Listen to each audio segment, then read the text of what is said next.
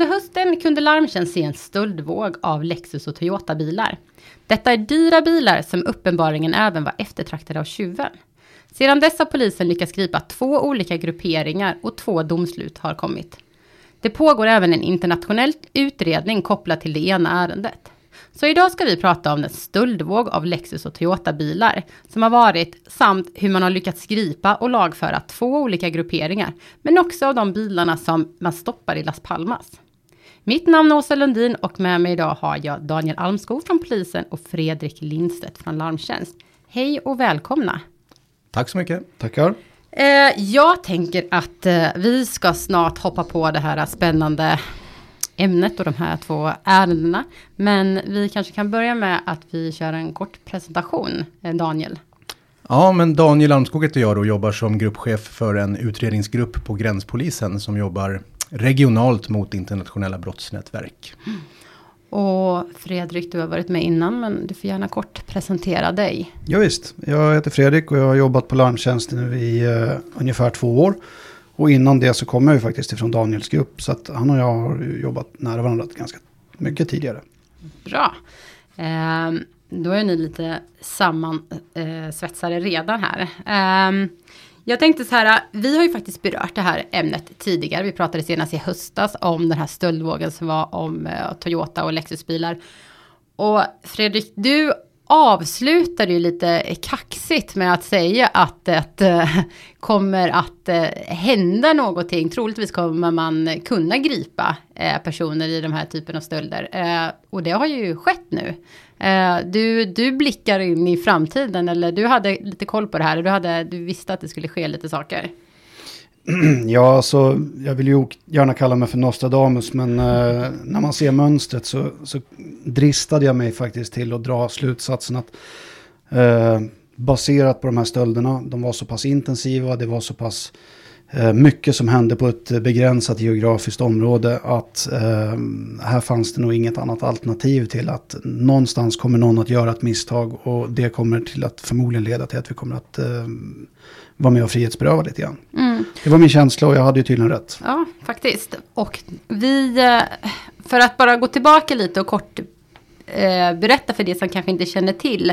Eh, så var det ju en stöldvåg i, eh, i Stockholmsområdet eh, av just två stycken eh, biltyper. Du får gärna berätta lite om vad det var som hade skett. Eller vad som ja, skedde. Alltså, det som vi konstaterade när vi började få in det här, det var ju att det är i nordvästra Stockholm och, och väldigt begränsat just till ett uh, specifikt geografiskt område. Jag skulle säga Sollentuna med omnejd.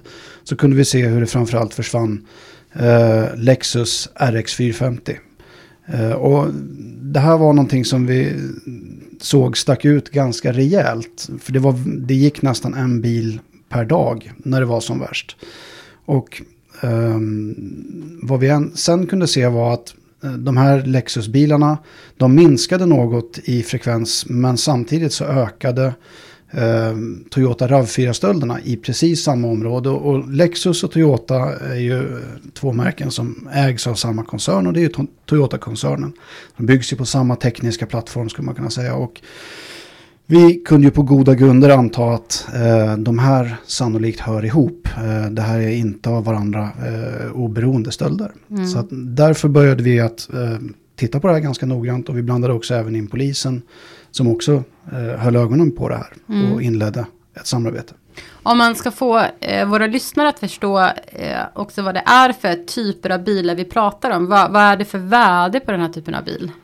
alltså de är ju värderade nu, de som vi har tagit i beslag till mellan 350 och 450 000 mm. styck, de mm. flesta mm. utav dem. Mm. Eh, sen finns det de som värderas till något mindre och något mer, men mm. där ligger väl snittet ungefär. Mm. Det är dyrare bilar helt enkelt. Eh, som jag har förstått så kunde man ju då se att det var eh, det här två typerna av bilar som stals och de stals inom samma geografiska områden. Men det var någonting som var som stack ut, som var lite annorlunda i stölderna. Och det var att de stals på olika sätt. Det vi samlade in i material eh, gav ju vid hand att eh, I det ena fallet så gick man in och, eh, påverkade eh, bilarnas CAN-bussystem genom att eh, bryta sig in egentligen fysiskt i, i bilens hjulhus och därefter komma åt ja, bilens nervsystem skulle man Mm. kunna säga. Och Ehm, i det andra fallet så kunde vi se att man använde den gamla vanliga hedliga tekniken som vi har sett eh, ganska mycket nu i alla fall de senaste tio åren. Att man använder relämetod för att komma in i bilarna. Det här är ju två stycken metoder som skiljer sig åt väldigt mycket. Och det, vi började ju fundera på, är det verkligen en och samma liga som håller på med det här? Eller är det så att vi har två stycken? Samtidigt så talar ju allting för att det var en och samma liga eftersom att vi pratar om samma typer av bilmärken. Vi pratar om eh, samma begränsade geografiska område.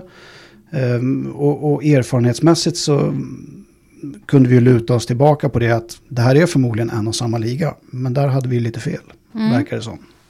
Och nu eh, idag så är det ju eh, två grupperingar som har blivit lagförda. Som det finns domslut på. Eh, och det var två olika nätverk som man har kunnat gripa. Vad var det för nätverk? Ja, alltså där för att göra en ganska lång historia något sån här kort. Så, så kan jag säga, jag kan börja med att säga att vi följde också den här serien, eller de här serierna från början. Och det beror ju på att vi dels jobbar med den här typen av kriminalitet. Och att vi har haft särskilt fokus på helbilstölder sedan eh, ett tag tillbaka. Vi hade ett, ett stort ärende för, ja det är väl närmare två år sedan nu. Där man stal också den här typen av bilar bland annat. Så vi har följt utvecklingen eh, statistiken helt enkelt. Eh, och det har vi ju gjort i nära samarbete med, med Fredrik och Larmtjänst. Eh, så vi har ju verkligen samverkat kring det här.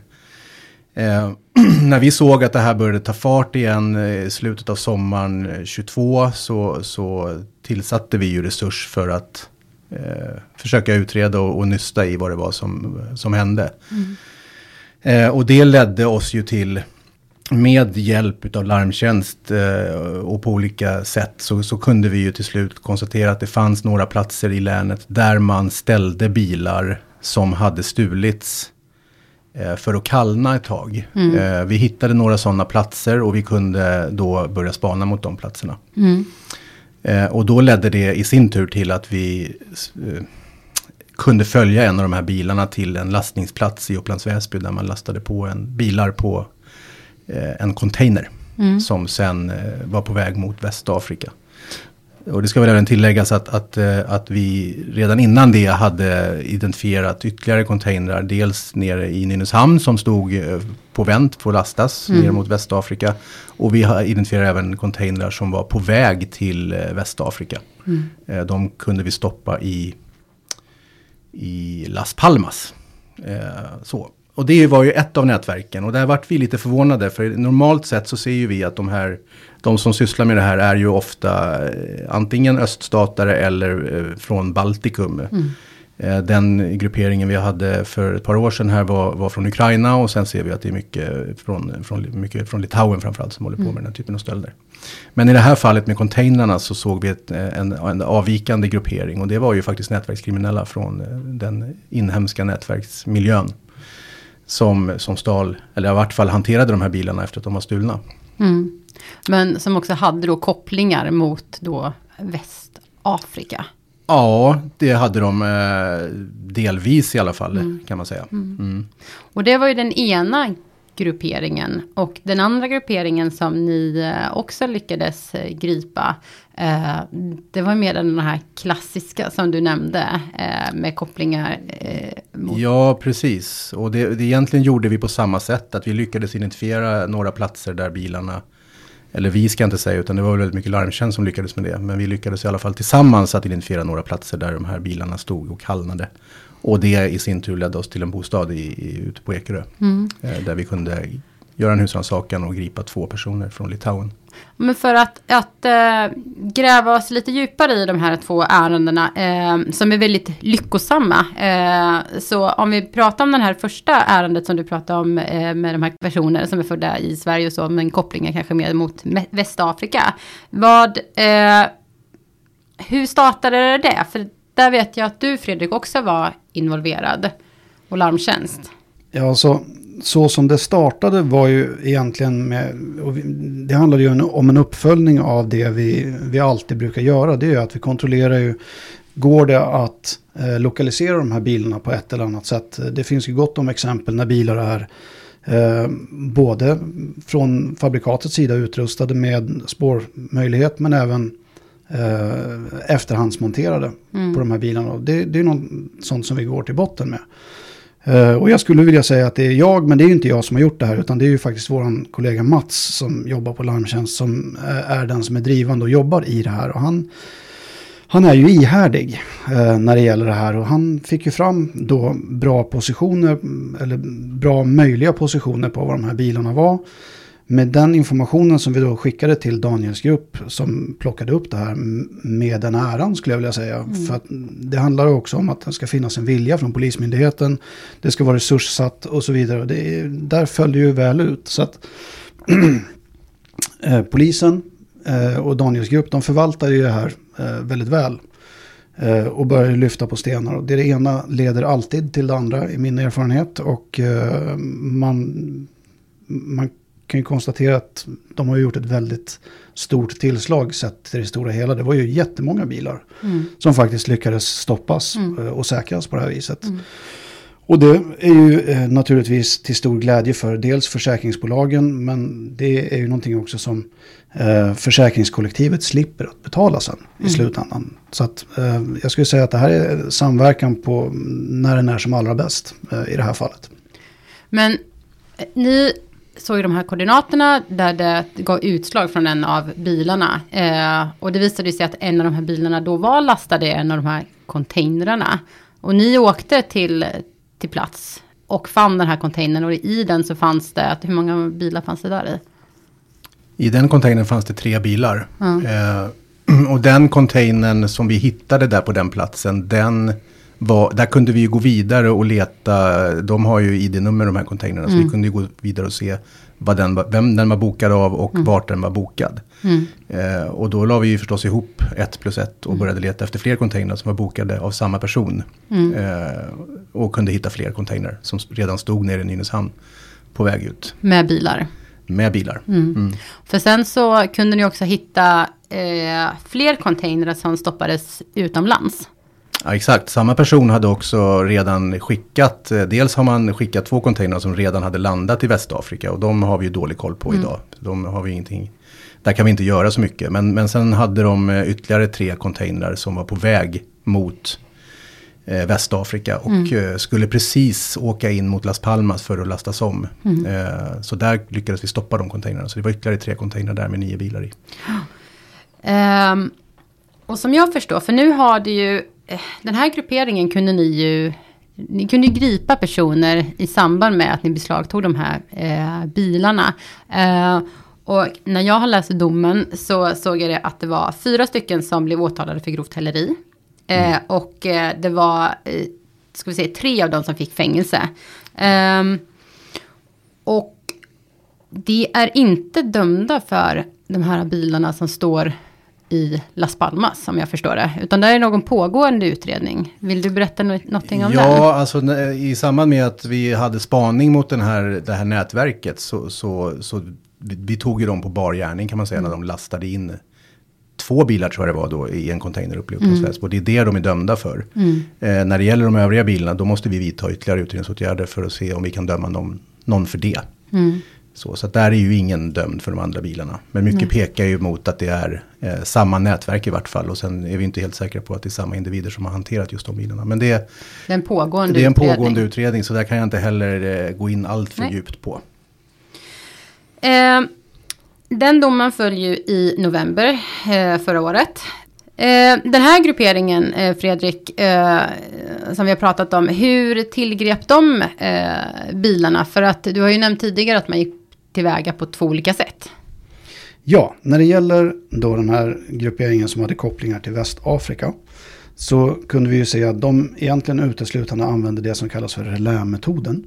Och relämetod det är då en teknisk utrustning som man använder för att lura bil och nyckel att de egentligen är varandra närmare än vad de egentligen är.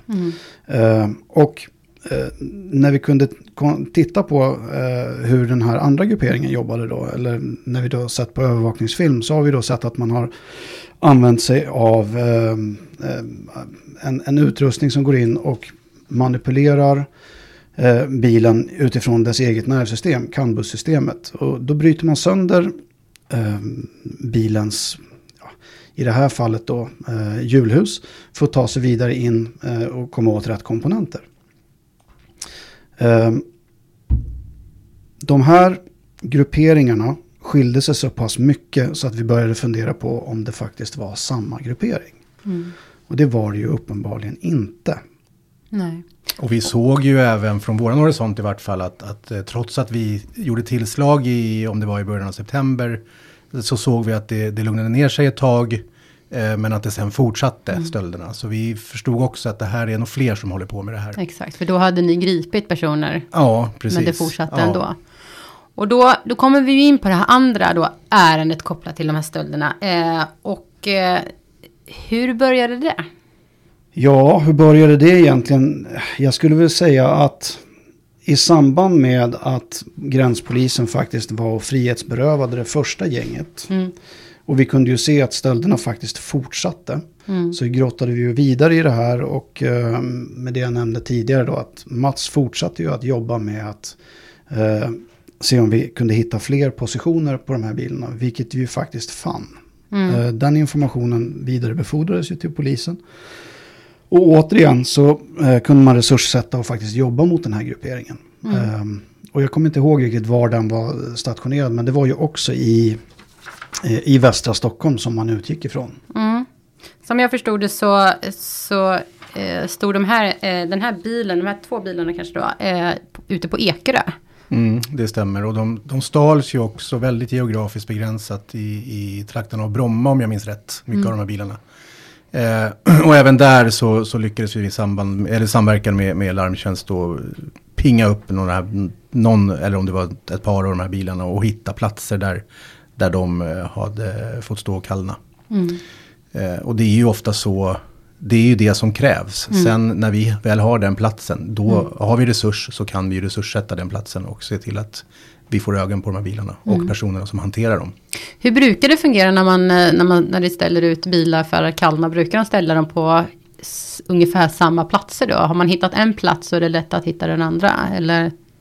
Ja, min bild, i vart fall av de här ärendena som vi har haft, så är det ju att man har sina platser mm. som man har förrekat. Man har hittat ett bra ställe där det kanske finns någon typ av dygnsparkering mm. eller 12 timmars parkering där man kan stå ett tag. Mm. Där man inte behöver använda eh, sina kreditkort för att betala någon parkering, det. för det är ju en risk för de här individerna. Mm. Eh, så att har man hittat bra platser så tenderar man att använda dem igen. Och det mm. ser vi också, har vi sett i det här, det här andra ärendet med litauerna, att att de har varit på de här platserna tidigare också mm. och, och, ställt bilar där. Mm. För i det här ärendet så grep ni två stycken personer. Mm. Eh, och det eh, dömdes för grovt häleri eh, nu i februari 2023. Ehm, kan man säga något om hur den här typen av gruppering klassiskt jobbar? Alltså ska man, om man nu ska dra en generalisering så är det ju så att det, man jobbar ju med ett antal utförare som kommer då till uh, tillgångslandet, i det här fallet då Sverige. Mm. Uh, de tillgriper bilar med den utrustning och den metod som de är uh, vana vid och har lärt sig. Därefter så följer då ett, antingen att man, man skickar iväg den ganska tidigt utomlands. Eh, alternativet är att man låter den stå och kallna ett tag. Eh, och sen ytterligare mm, ja, åtgärder som man kan vidta då utifrån de kriminella sidor. Det är att man på det ena eller andra sättet försöker dölja dess riktiga identitet. Mm. Eh, normalt sett så brukar man genomföra identitetsbytet på andra sidan gränsen. Det vill säga när det har kommit till destinationslandet där den ska. Men i vissa fall så förekommer det även här inom riket. Och det kunde vi faktiskt se i det här ärendet. Eh, jag tänkte på Daniel, du berättade innan om eh, att man kunde se vissa skillnader i, eh, i det här två ärenden då med att det var två olika grupperingar och klassiskt sett så brukar det vara det här som ni pratade om IBN-stölderna, internationella brottsnätverk. Men här var det ju, när man tittar på den med kopplingar då mot Västafrika, det var ju inhemsk Eh, det var ju människor från Sverige som genomförde mm. den här mm. typen av stölder.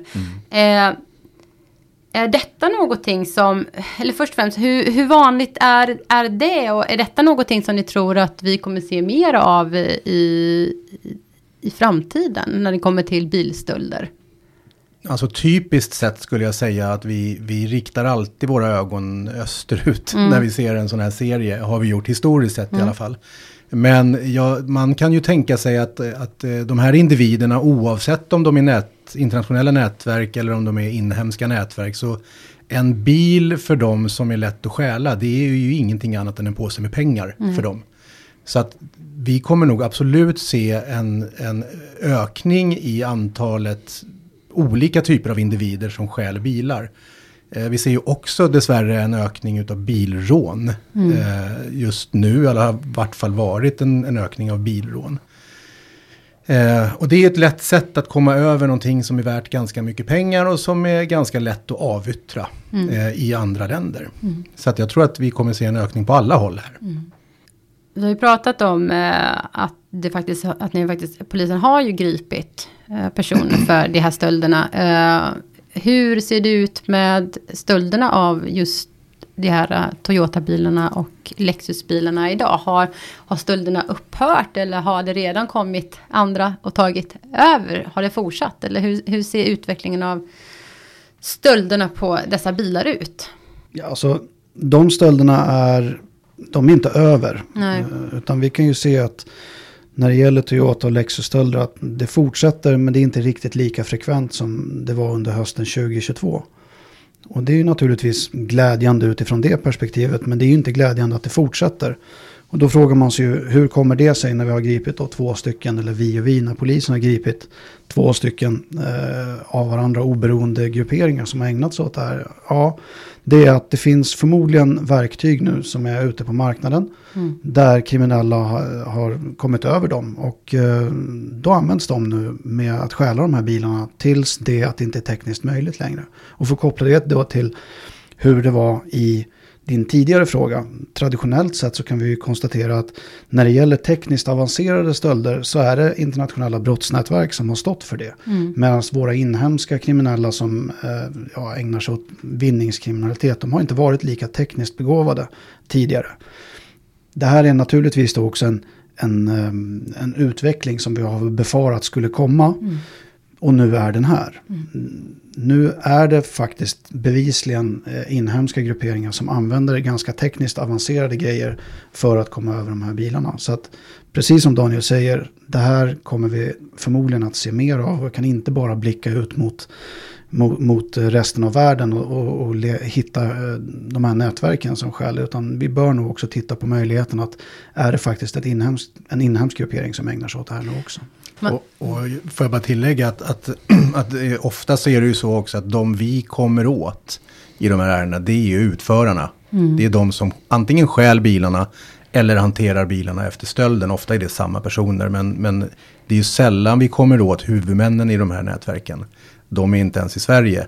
Och det har vi sett i bland annat Västafrika-ärendet att det har ju förgreningar ner i Europa. Där har de haft samma problematik i Frankrike och i Tyskland framförallt. Eh, så att utförarna är ju väldigt lätta för de här nätverken att byta ut. Mm. Det är de lättaste personerna att byta ut. Mm. Och så länge de har utrustningen och möjligheten att ta sig in i, i bilarna med utrustningen så kommer det här att fortsätta. Mm. Ja, alltså det är ju det är också naturligt. Tittar vi på det rent statistiskt så i slutet av 90-talet när eh, man införde elektronisk startspärr på bilar som, som standard. Mm. Eh, då kunde vi ju se att från att ha toppat på kanske någonstans runt ja, en bit över 40 000 så mm. ser vi eh, alltså 40 000 tillgrepp per år av eh, fordon så är vi ju nere på kanske det har ju sjunkit sedan dess till mm. kanske, ja, jag kommer inte ihåg exakt siffror, men vi ligger på någonstans mellan 6 och 7 000 har jag för mig. Eh, och det har ju stadigt gått ner samtidigt som den procentuella andelen av bilar som aldrig någonsin återkommer, eh, de, den ligger ju nästan konstant. Inte mm. självaste andelen men själva antalet bilar. Mm. Mm. Vilket ju gör att procentsatsen av de bilar som aldrig kommer tillbaka, de är ju konstanta. Och det är mm. de som vi alltid har trott försvinner utomlands, i alla fall i 90% av fallen. Mm. någon gång kommer ju den här kurvan att sluta vända neråt. Mm. Den kommer förmodligen att vända uppåt igen. Och vi kanske har kommit till någon form av brytpunkt nu, eller början på någon form av brytpunkt. Där vi kan se just att inhemska nätverk kommer att ägna sig åt det här också. Mm. Det får väl framtiden eh, ja, visa. Men det är någonting som vi befarar och som vi faktiskt ska, måste hålla ögonen på. Mm. Daniel, ehm, om man som bilägare, du behöver inte äga eh, en, kanske en Toyota eller Lexusbil. Men om vi säger så här, om vi ska ge tips till eh, våra bilägare, eh, vad ska man tänka på för i alla fall minska risken? Det är dumt att säga för att eh, du inte ska bli av med en bil, men för att minska risken för stöld. Vad, har du några tips som du skulle kunna, kunna Ja, ge? absolut. Och jag återkommer till eh, den här eh, att jämföra bilen med en påse pengar. Om man, om man är tvungen att ställa en påse pengar på sin, på sin villauppfart, vad gör man då? Jo, man ser till att ha en bra belysning. Eh, gärna med en rörelsesensor som gör att det liksom flashar upp när det kommer någon gående på uppfarten. Mm. Eh, man ser till att eh, ha eh, eventuellt i alla fall en, någon typ av kameraövervakning. Det kan vara avskräckande, det är ett väldigt stor hjälp för oss om Mm. bilen blir stulen. Eh, har man en keyless-variant, det vill säga att man har en bil som går att öppna och starta, alternativt bara starta utan att använda bilnyckeln, så ska den förvaras långt från ytterdörren och helst i en, en någon typ av skyddande miljö, en eh, RFID-fodral eller en plåtburk eller liknande. Mm. Eh, sen vill jag även slå ett slag för den gamla hedliga rattkryckan. Mm. Där tror jag faktiskt kan, kan avskräcka eh, väldigt mycket om man har en stöldbegärlig bil. Mm. Det tar lite längre tid. Och... Ja, och man, det finns ju många bilar att välja mellan så att säga. Så, så har man en rattkrycka så tror jag att man, att man i vart fall eh, tittar kanske efter en annan bil istället. Så belysning, kamera, tänka på hur man förvarar sin nyckel och rattkrycka. Det är några tips. Ja, det är det jag kommer på just nu. Ja. Ehm, vi börjar gå mot eh, det här avsnittets slut. Jag tänkte, är det någonting som ni känner att ni skulle vilja lägga till eller som ni eh, tycker att vi kanske har missat i diskussionen om de här stölderna? Nej, Då tackar jag så jättemycket för att ni eh, var med här i studion idag och kunde prata mer om dessa stölder. Tack själv. tack så mycket. Eh, ni har hört Larmtjänstpodden som är en podd från Larmtjänst som jobbar på uppdrag av försäkringsbolagen med syfte att bekämpa försäkringsrelaterad brottslighet. Dagens gäster var Daniel Almskog och Fredrik Lindstedt. Dela gärna podden i era sociala kanaler så tackar jag för att ni lyssnade och att vi hörs igen. Tack.